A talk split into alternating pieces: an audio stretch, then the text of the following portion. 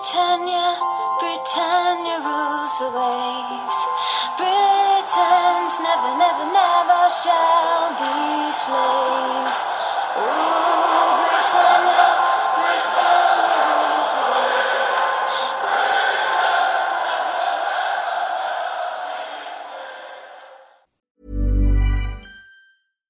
Sandra, and I'm just the professional your small business was looking for. But you didn't hire me because you didn't use LinkedIn jobs. LinkedIn has professionals you can't find anywhere else, including those who aren't actively looking for a new job but might be open to the perfect role, like me.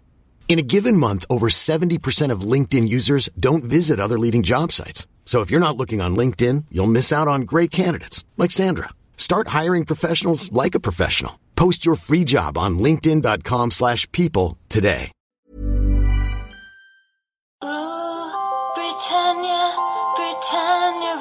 Rules the waves. Britons never, never, never shall be slaves.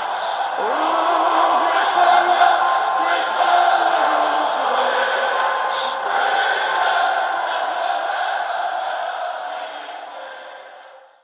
Hej och välkomna till Svenska FPL-podden. Eh, idag så har vi ett eh, specialavsnitt eh, där del två av eh, eh intervjuavsnitten mellan mig och eh, Alex, eh, där det är min tur att intervjua Alexander. Eh, och jag tänkte väl börja Alexander med att välkomna dig in i podden. Ja, men tack så mycket. Det känns lite konstigt att du, du startade igång allting. Vi, normalt sett så brukar jag hålla i de trådarna, men nu är det omvända roller. Yes, vi spelar in här onsdagen den 13 eh, februari. Champions League har precis dragit igång här och jag tänkte kasta igång direkt med lite allmänna frågor om dig eh, Alex. Eh, kan börja med, vad är ditt fullständiga namn egentligen? Björn Alexander Silversten. Och hur gammal har du hunnit blivit?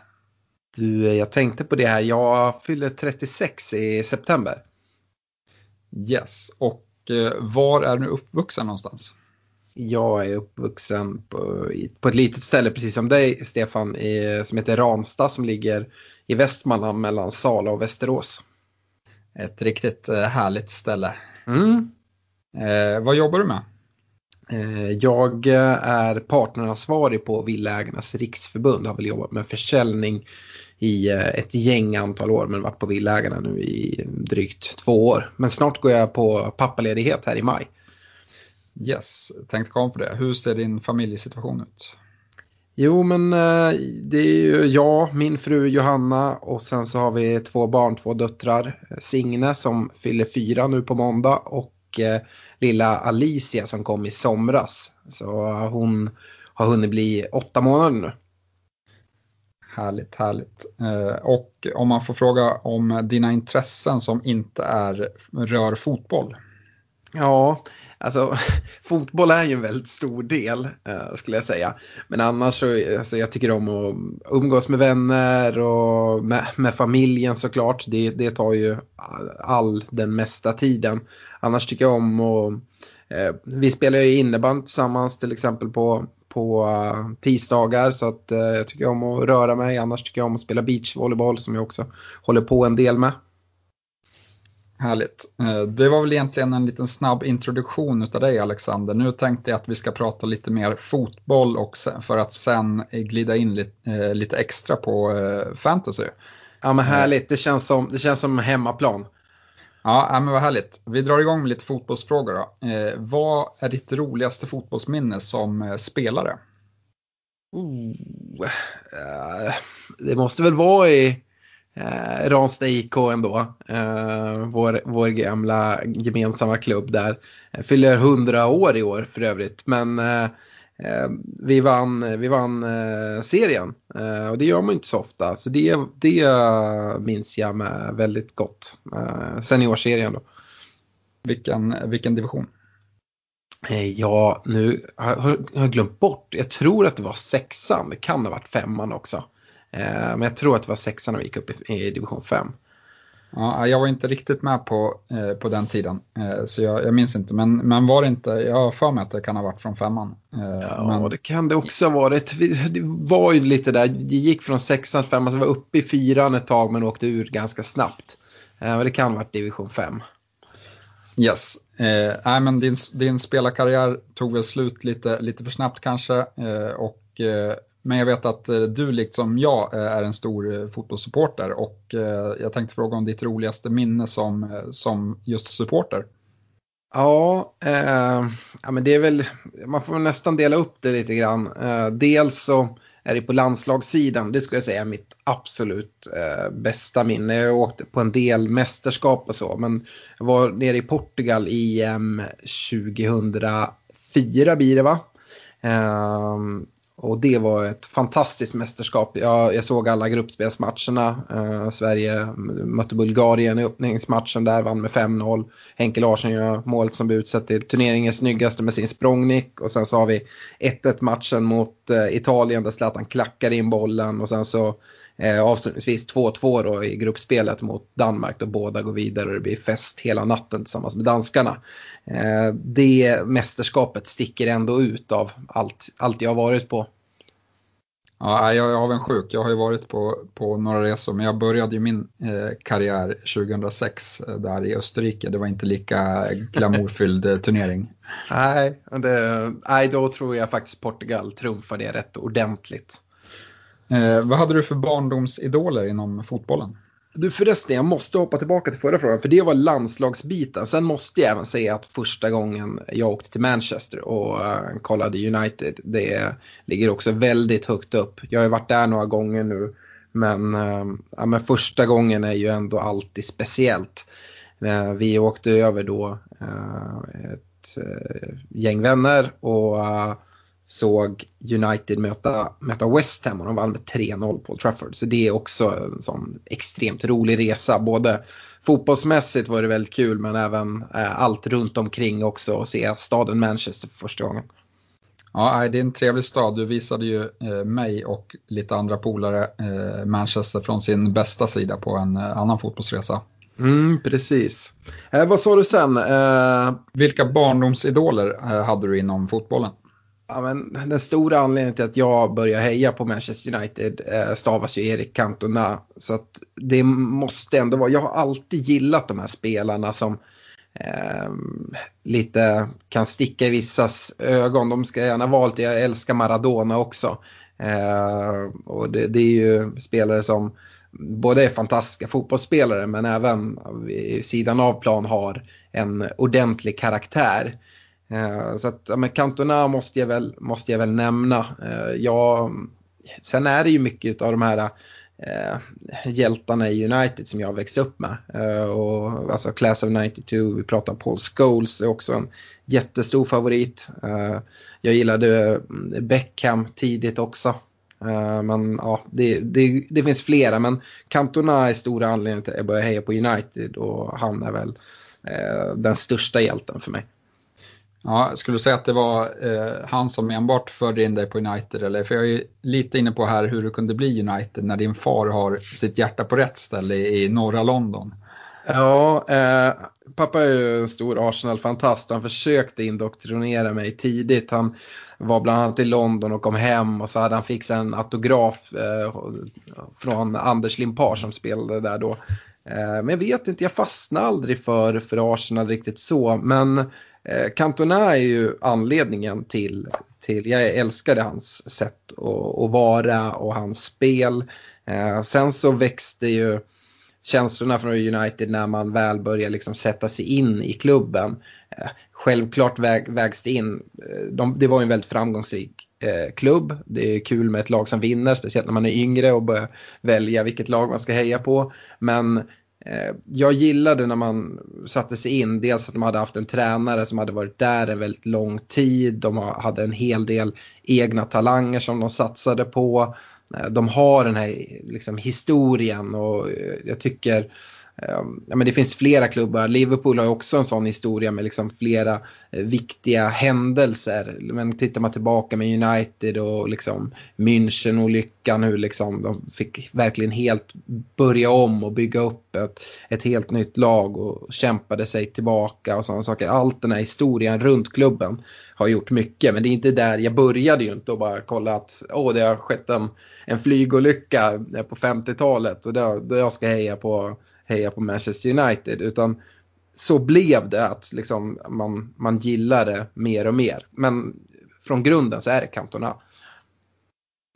Eh, yes. Eh, finns det något annat lag som du håller på eller är det United för hela slanten?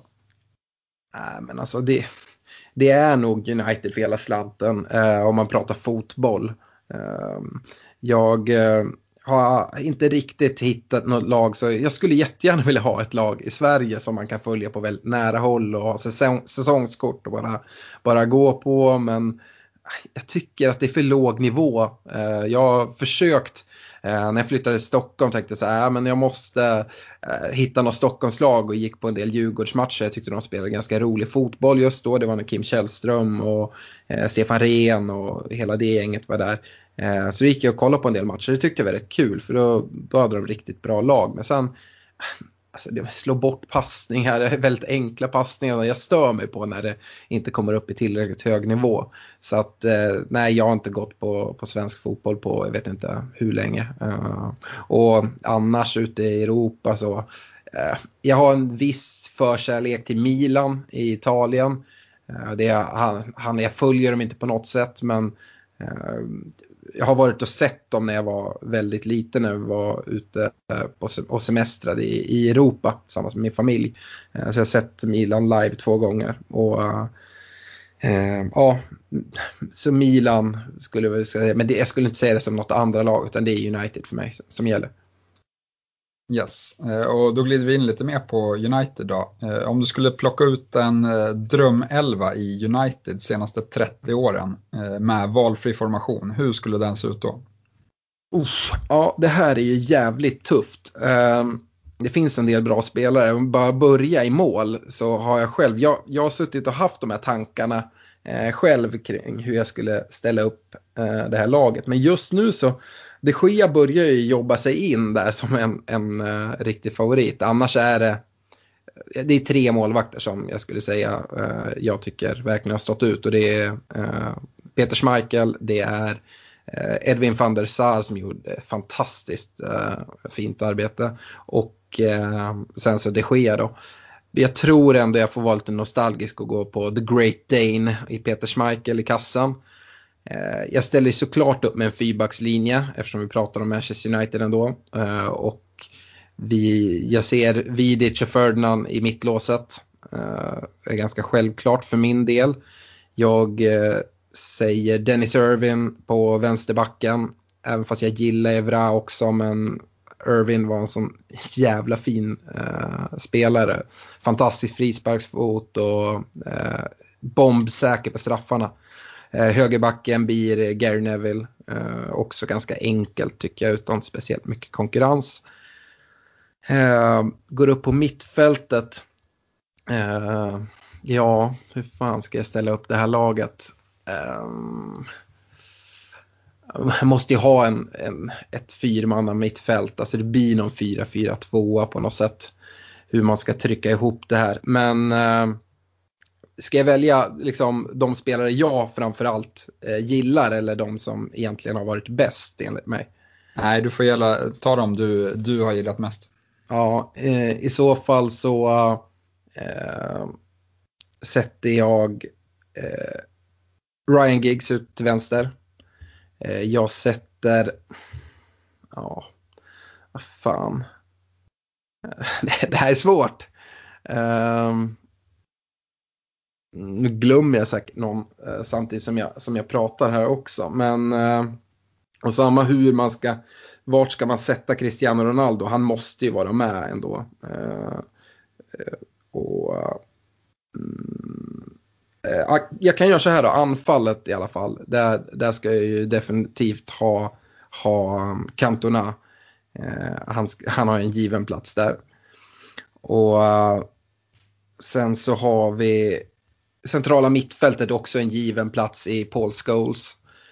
Ehm, jag skulle nog sticka ut lite bland många, många United-fans ehm, eh, på centralt mittfält och välja bort eh, Roy Keane. Och det är mycket på grund av vad han har gjort, gjort efter sin United-karriär. Jag tycker han lite har förstört för sig själv där.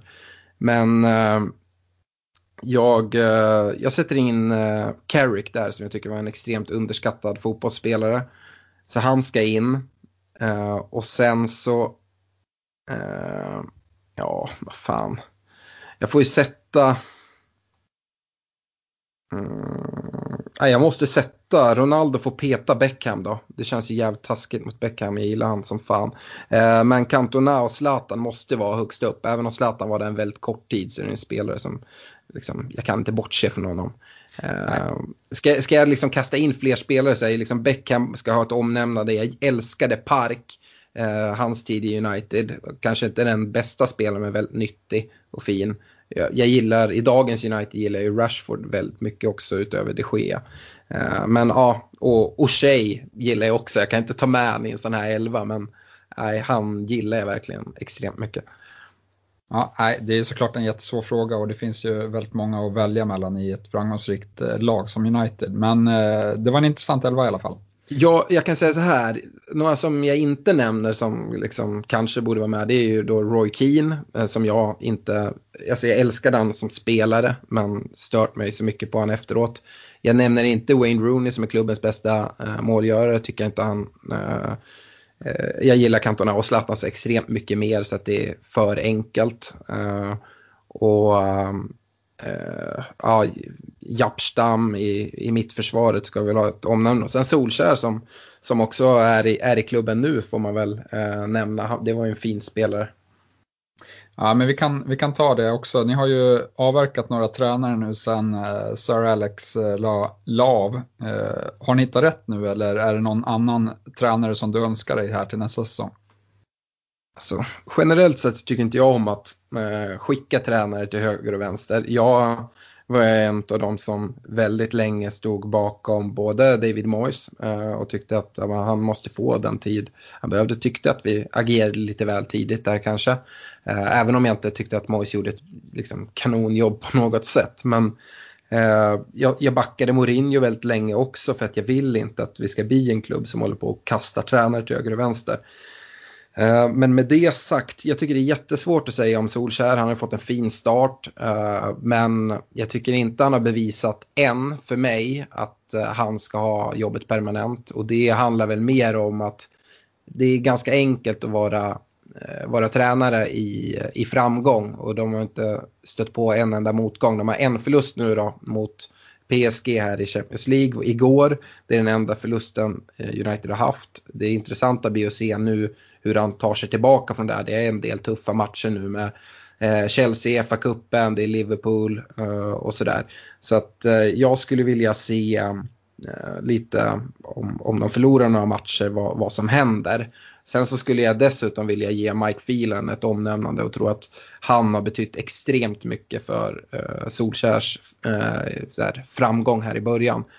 Ehm, så att jag är inte helt övertygad. Jag tycker han har gjort det bra. Han skulle inte kunna ha gjort det så mycket bättre än vad han har gjort hittills. Men jag tycker ändå inte det är givet att han ska ha, ha rollen. Med det sagt så vet jag inte riktigt vem som är ett bättre namn för att ta över. Men jag känner att man vill avvakta lite där. Eh, se, eh, rullar det här prov på och han gör ett fint jobb, då ser jag ingen anledning att man ska bara ta in någon annan bara för att. Om man nu kan lösa det här med Molde.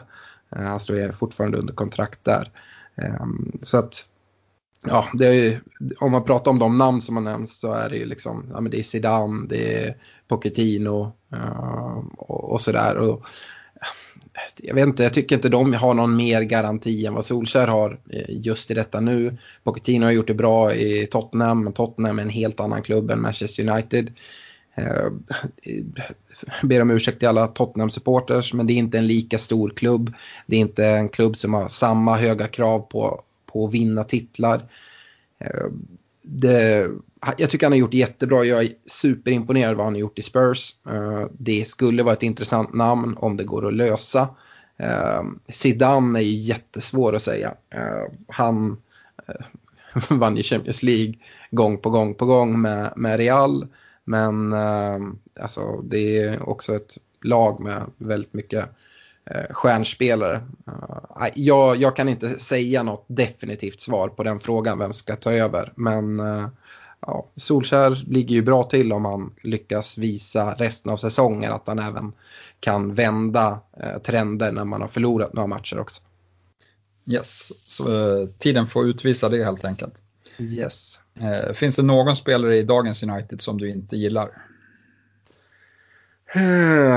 Ja, alltså det gör det väl.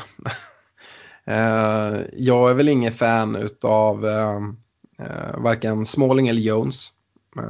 Jag har, har rätt svårt för honom. Rojo har jag också väldigt svårt för. Nu har väl han inte spelat någonting den här säsongen men han är fortfarande en, en del av laget. Eh, men det är väl egentligen dem. Annars så tycker jag att det är eh, en spelare som eh, Ander Herrera förstår jag att väldigt många andra lags fans inte tycker om. Men när han spelar i ens klubb så gillar man honom väldigt mycket. Så att nej, ja, det är, väl, det är väl Smalling och Jones som vi för övrigt precis har förlängt med båda två också. Ja, det är härligt. Och historiskt då, vilka, vilka tycker du är de största flopparna? Mm, flopparna eller spelare som jag inte har gillat? Ja, som du inte har gillat. Som jag inte har gillat. Det, eh, det här är också en spelare jag inte nämnde när vi pratade favoritelvor. Någon som har gjort ett jättearbete för United men som jag aldrig riktigt har kunnat tagit till mig. Och det är Rod van Nistelrooy. Uh, jag tycker en grisig spelare. Uh, och dessutom han samtidigt när den här rivaliteten mot Arsenal var så stor. Och så var liksom Eh, hans motsvarighet i Arsenal var Henry som är en spelare som jag verkligen, verkligen gillar. Eh, och, ja, eh, så att där var jag i Henri-lägret, även fast jag alltid ville att United skulle vinna såklart. Men eh, Ifanister har jag alltid haft svårt för. Eh, jag stör mig också som sagt, det var jag inne på med Keen. Eh, inte när han spelade i United, då älskade jag honom. Men just allt eh, liksom efteråt här, liksom efterspel.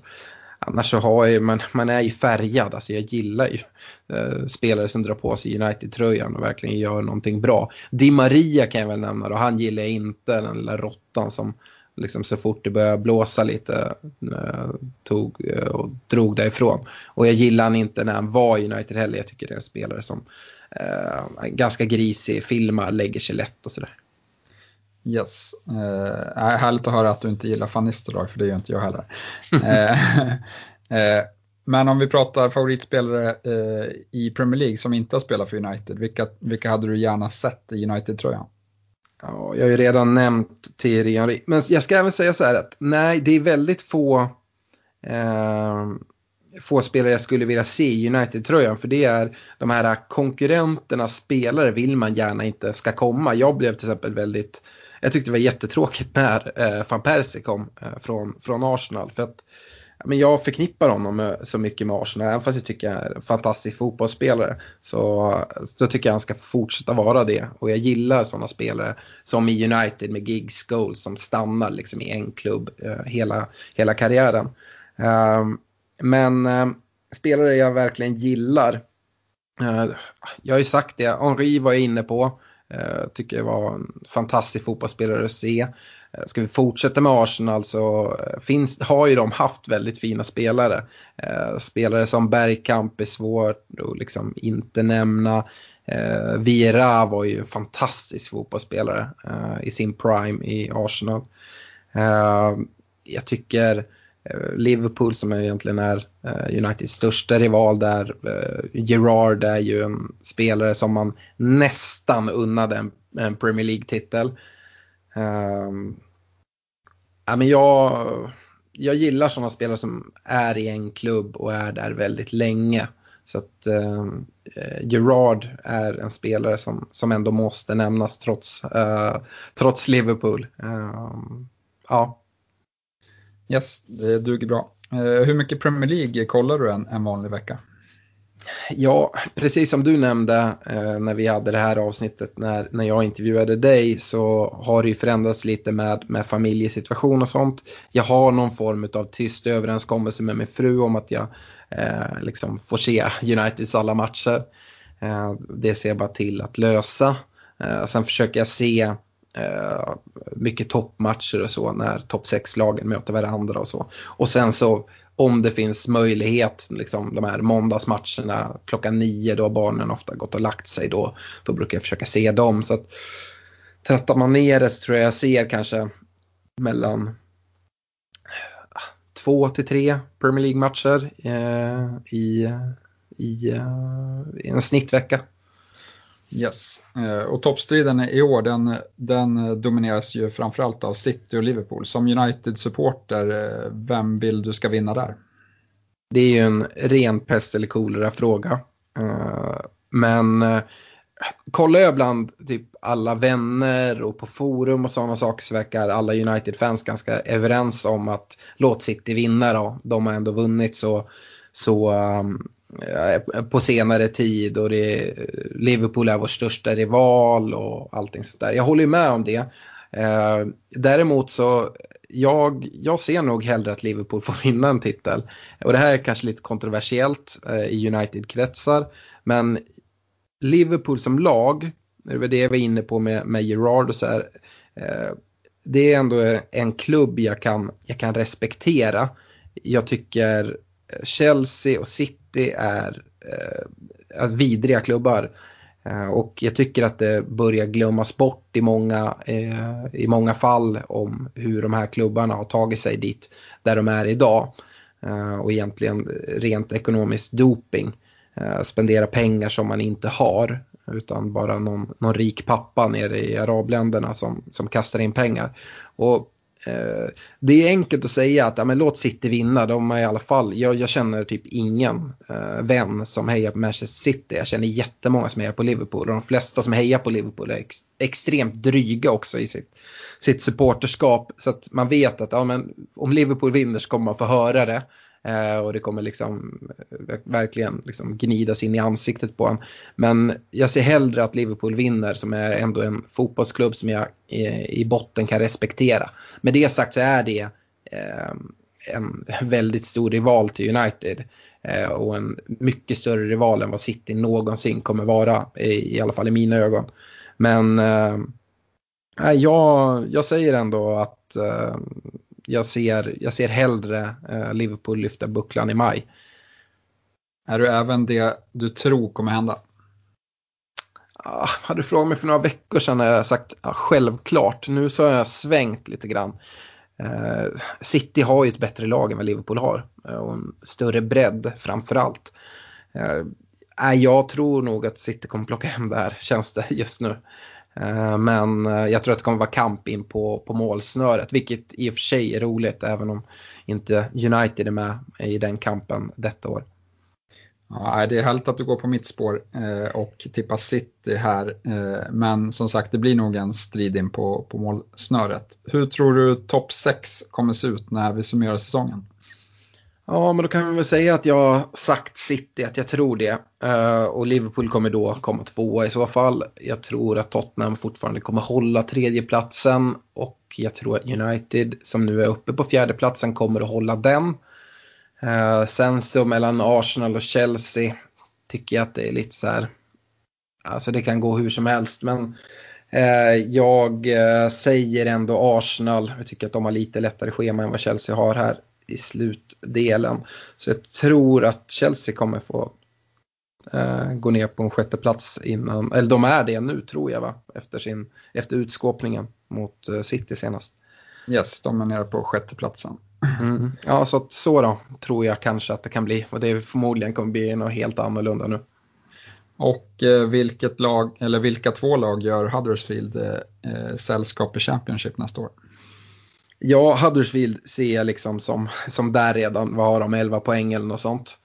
Eh, Fulham tror jag också kommer liksom hamna där. De, de ligger på 17 tror jag, någonting sånt. Eh, de, deras försvarsspel håller inte eh, och jag kan inte se att eh, Ranieri kommer få någon ordning på det. Eh, sen, om jag inte har helt fel för mig så tror jag Southampton ligger på nedflyttning just nu. Uh, jag, tror, jag tror dock de kommer greja det och jag tror att vi kommer få se Cardiff där också. Det är väl Southampton, Cardiff, Newcastle som ligger väldigt tight och sen så har du väl några lag till, typ Burnley, Brighton, Palace kanske. Ja, de sex lagen ligger inom tre poäng som du ja, upp det. Så att där är det ju väldigt tight. Jag, där tror jag att Crystal Palace kommer lösa det där ganska enkelt. Eh, jag tror att Brighton och Burnley också inte kommer blanda, blanda sig in i det där. Uh, så att uh, jag tror att de kommer lösa det med sitt hemmaspel. Eh, sen Newcastle tror jag också kommer lösa det och sen så står det mellan Cardiff och Southampton. och Cardiff har sitt hemmaspel att luta sig åt men jag tror att Hassenhüttel kommer lyfta Southampton ytterligare några steg och vi vinkar hej då till Cardiff. Yes. Och eh, om man ska tippa en skytteliga, eh, hur, skulle, hur tror du den kommer se ut? Det räcker med vem som vinner. Är det delad ledning just nu på Salah Aguero eller? Ja, det stämmer bra. 17 eh, mål på de två, Aubameyang på 15 och Kane på 14. Ja, jag har svårt att se att Agüero ska gå och plocka hem den där, men jag tror inte att han kommer få eh, den, liksom, alltså spela match efter match efter match. Vi får väl se. Eh, skulle han göra det tror jag han skulle plocka hem det. Eh, men eh, med det sagt så tror jag att Salah kommer spela de flesta matcherna här framåt och jag tror att han kommer plocka det till slut. Jag tror att City kommer gå långt i Champions League också. Då kommer eh, Agüero framförallt eh, liksom sparas till de viktiga matcherna där. Ja. Vi lyfter blickarna lite mer internationellt nu och eh, jag vill höra din åsikt på vem som är världens bästa fotbollsspelare genom tiderna. Hmm. Ja, det här det här är svårt tycker jag. Eh, dels tycker jag det är svårt att jämföra olika tidsåldrar och sen så tycker jag att det är svårt att säga eh, liksom om man ska se på kort eller lång sikt och eh, sen så på olika positioner. Men eh, den absolut mest överlägsna fotbollsspelare jag sett på en fotbollsplan skulle jag nog hålla Ronaldinho ändå när han var i eh, dels i, i vissa stunder i PSG men då hade han inte så så, så, sjuk, så bra motstånd, men även i Barcelona när han var som allra bäst. Sen så var brintiden och hans liksom högsta nivå kanske lite kort för att blanda sig in. Jag tycker även att Maradona måste nämnas. Eh, eh, pratar man nu så kommer ju frågan direkt till om det är Messi eller Ronaldo som ska blanda sig in och jag tror att Eh, om några år när de har lagt skorna på hyllan och man blickar tillbaka så tror jag att eh, de kommer nämnas i den här eh, diskussionen. Det som är mest imponerande med dem det är ju att de har hållit en enormt hög nivå under så pass lång tid eh, det är nästan omöjligt att välja mellan eh, Messi och, och Ronaldo. Eh, jag tycker Ronaldo har vissa saker som väger över för honom sett till att han har gjort det lite bättre i sitt landslag om du frågar mig. Eh, jag tycker dessutom att han Eh, är en spelare som eh, har nu även börjat visa att han kan göra det i fler än en klubb. Han gjorde det i United, bar till eh, både ligavinster och Champions League-vinst och sådana saker. Han, I Real gjorde han det definitivt. Eh, nu i Juventus så de kommer ju ta ligatiteln. De kan mycket väl blanda sig i Champions League. Eh, snacket där och vinna Champions League med Juventus då tror jag nog att han får trumfa Messi ändå. Sen så är ju Messi oerhört fin. Eh, jag har inte mycket till övers för Barcelona som lag.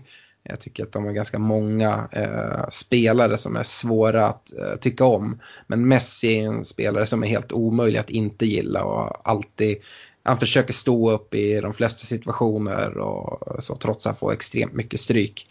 Eh, jag vet inte om jag ska nämna liksom en spelare. Sen så kommer alltid, liksom, jag måste nämna Cantona också. Eh, jag vet att många tycker att det är färgat, men han är en sån stor idol för mig. Eh, tvingar du mig att säga ett namn så gör jag det enkelt för mig och säger in, uh, väljer inte mellan Messi och Ronaldo, så säger Maradona. Okej. Okay. det var ett långt, långt svar var det. Ja. Och som sagt, nu pratar jag egentligen bara om offensiva spelare. Det finns ju fantastiska försvarsspelare. Maldini förtjänar ju ett omnämnande. Man glömmer ofta bort den karln. Ja, nu får du, får du svara med lite mindre utläggning då. eh, bäst i världen utan eh, att välja Messi och Ronaldo som är aktiv? Neymar. Nu är han skadad så just nu tror jag inte han gör så stor nytta men han är efter dem. Men nästa stora stjärnskott är Bappé. Ja, eh, det kan vi glida in lite på då, men när vi har det färskt i minnet här. Eh, hur många gånger skulle Kim Bempe varit utvisad för PSG på Old Trafford? Ja, det blir två, fyra gula kort skulle han haft. Så det blir två utvisningar. Ja, jag kan instämma att han inte skulle varit kvar på plan. Domaren var väldigt feg i andra halvlek där. Mm. Eh, vilka tror du står som slutsegrare i Champions League i maj? Eh, tidigare så har jag sagt det att jag, tror, att jag trodde att Liverpool skulle ta engelska ligan och City tar Champions League. Um, jag tycker City, det är, det är, så extremt svårt eh, Champions League. Jag ska försöka hålla det här lite kortare men det är så små marginaler. Eh, City kommer vara, vara med tror jag. Eh, Barcelona, Juventus. Eh, jag kan inte säga City vidriga klubben och Barcelona är svårt för. Det vore kul tycker jag för Ronaldo att plocka den eh, med Juventus också. Ja, vi glider över mer på fantasy nu. Eh, mm. Det har blivit dags att komma in där. Eh, och eh, min första fråga är, hur många säsonger har du spelat eh, fantasy? Jag gjorde min första säsong 2008-2009, så det blir väl 10 säsonger va? Yes, Eh, och hur många poäng har du plockat in på din triple captain de senaste två säsongerna? Ja, sex. Om man lägger ihop då förra säsongen och den här säsongen. Ja, nej, skämt åsido, det var bara en kul eh, men eh, vad är din bästa placering i, i fantasy? Ja, min bästa placering är från, från förra säsongen. Då kom jag på plats 5800 någonting. Eh, vilket jag är väldigt nöjd med. Uh, och man kan väl säga det att jag började spela 2008-2009 men kanske har spelat lite så här mer eh, seriöst de senaste tre, fyra säsongerna.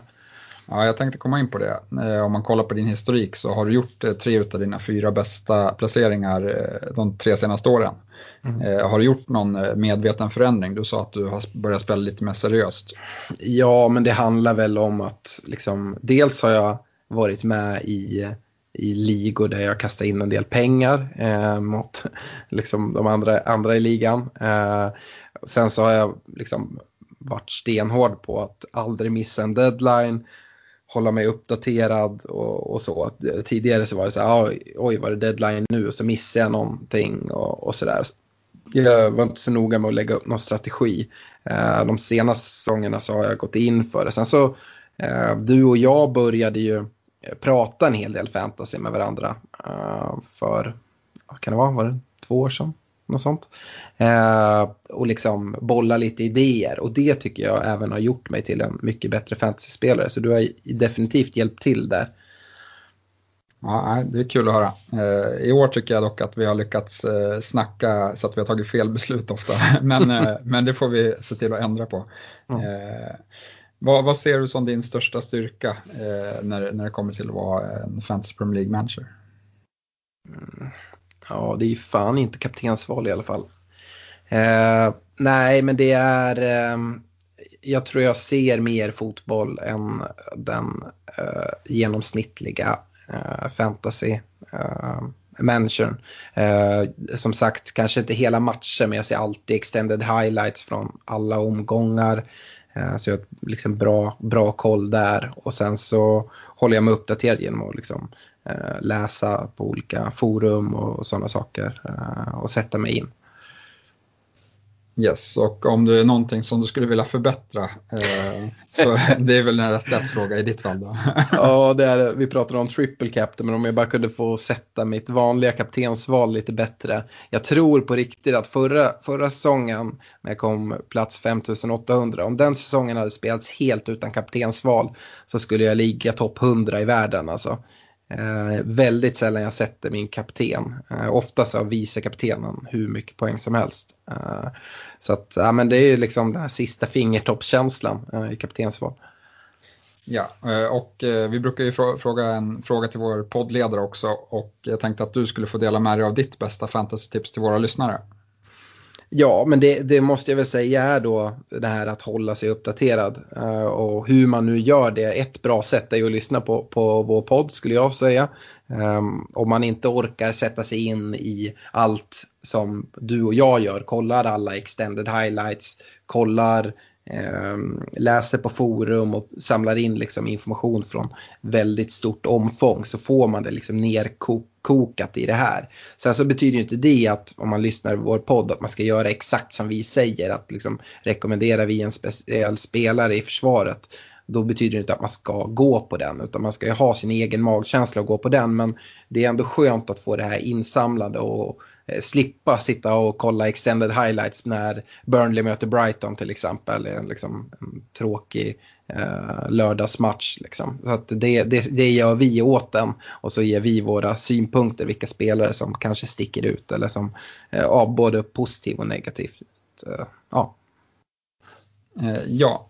Eh, och under de här tio åren som du har spelat, vilken, vilka eller vilka spelare har du gillat mest ur ett fantasyperspektiv? Ja, det var ju någon säsong där, du kan säkert veta vilken det är Stefan. Det var där när eh, Gerard, Lampard och Ronaldo, eh, liksom, de var ju snordyra allihopa. Man var tvungen att ha dem, men det betydde att man typ inte hade råd med några andra spelare. Men de spelarna tog ju så sjukt mycket poäng.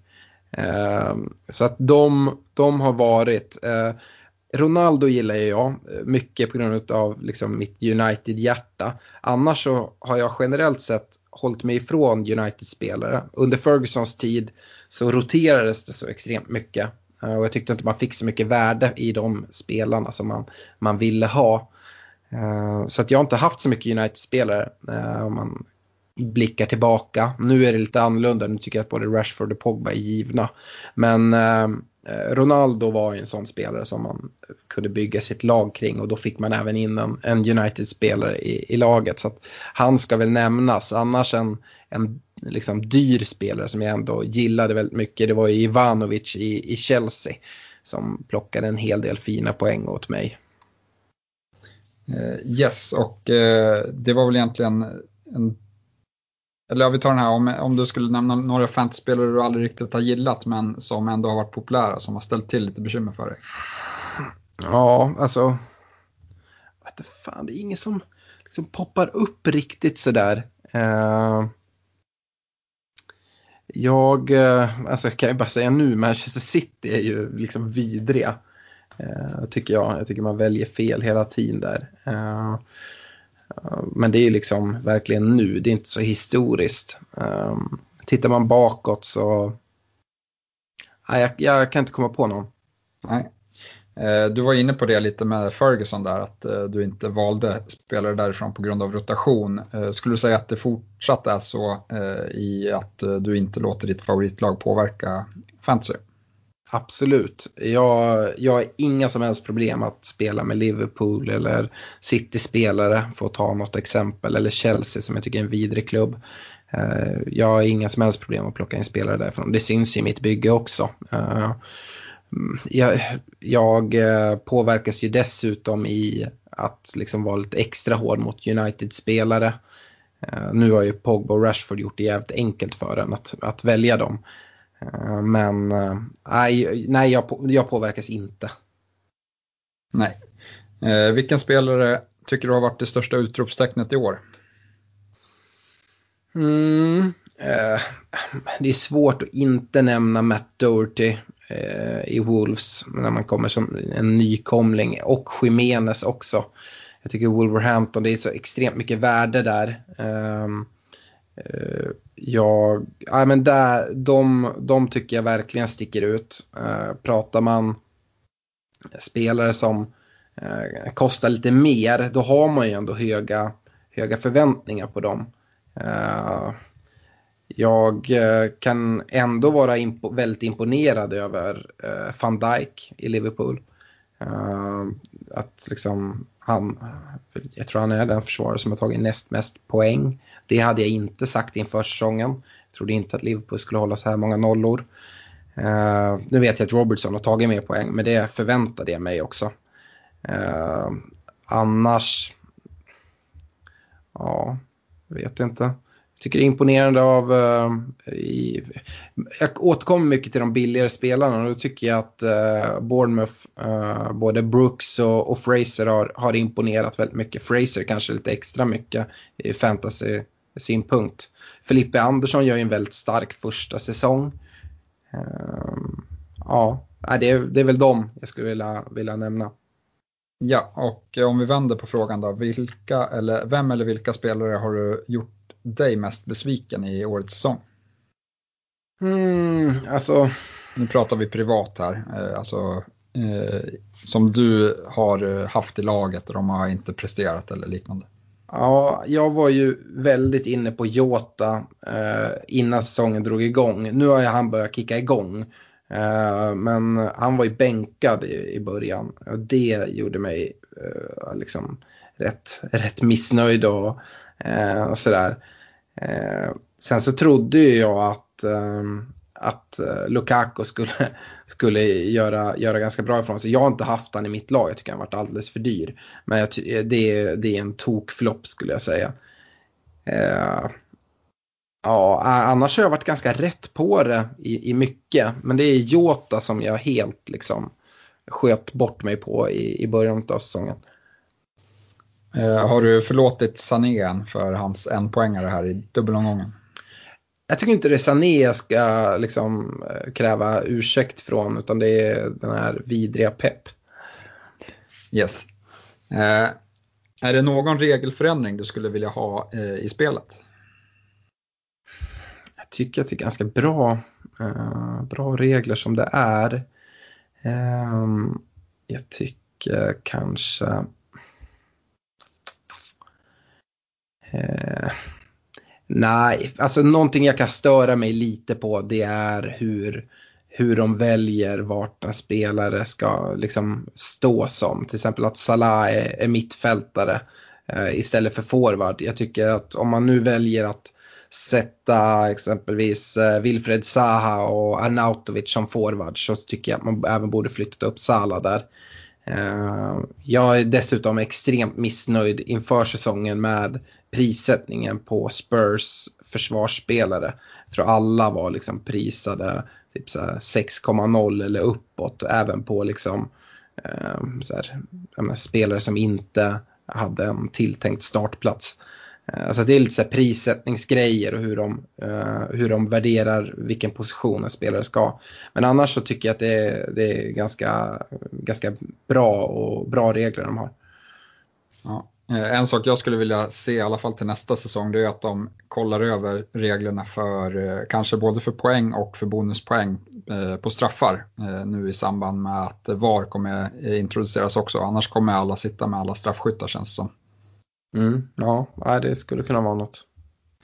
Uh, yes, vi glider över på sista avslutande fem snabba frågor här uh, som får summera det här extra avsnittet. Shoot! Yes, vinna Fantasy Premier League eller få 13 rätt på Stryktipset en jackpotvecka. Uh, oh shit, fan då är det lite pengar inblandat också.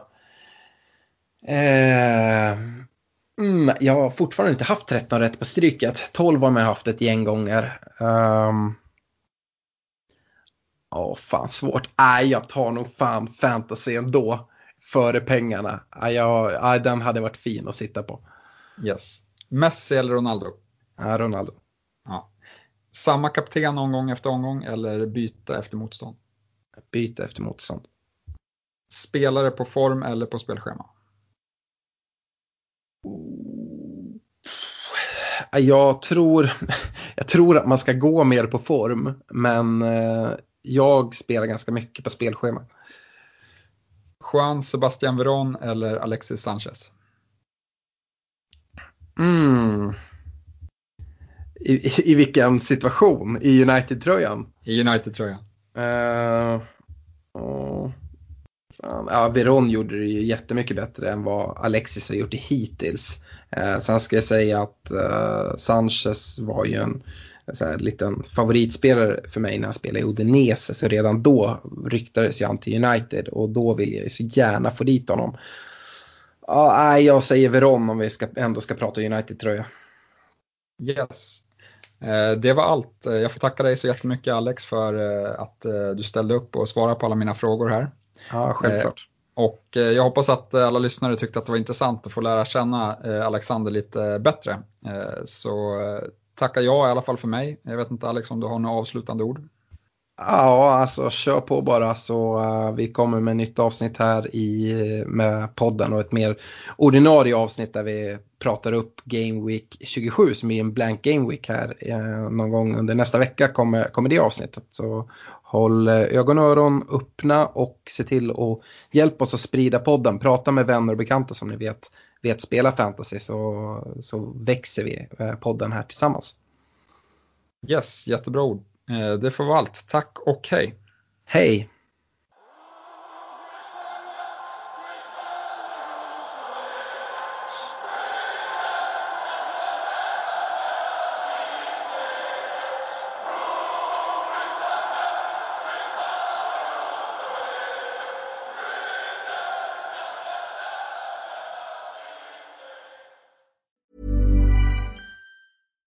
Deserves the best, and there's no better place to shop for Mother's Day than Whole Foods Market. They're your destination for unbeatable savings, from premium gifts to show-stopping flowers and irresistible desserts. Start by saving 33% with Prime on all body care and candles. Then get a 15-stem bunch of tulips for just $9.99 each with Prime. Round out Mom's menu with festive rosé, irresistible berry chantilly cake, and more special treats. Come celebrate Mother's Day at Whole Foods Market.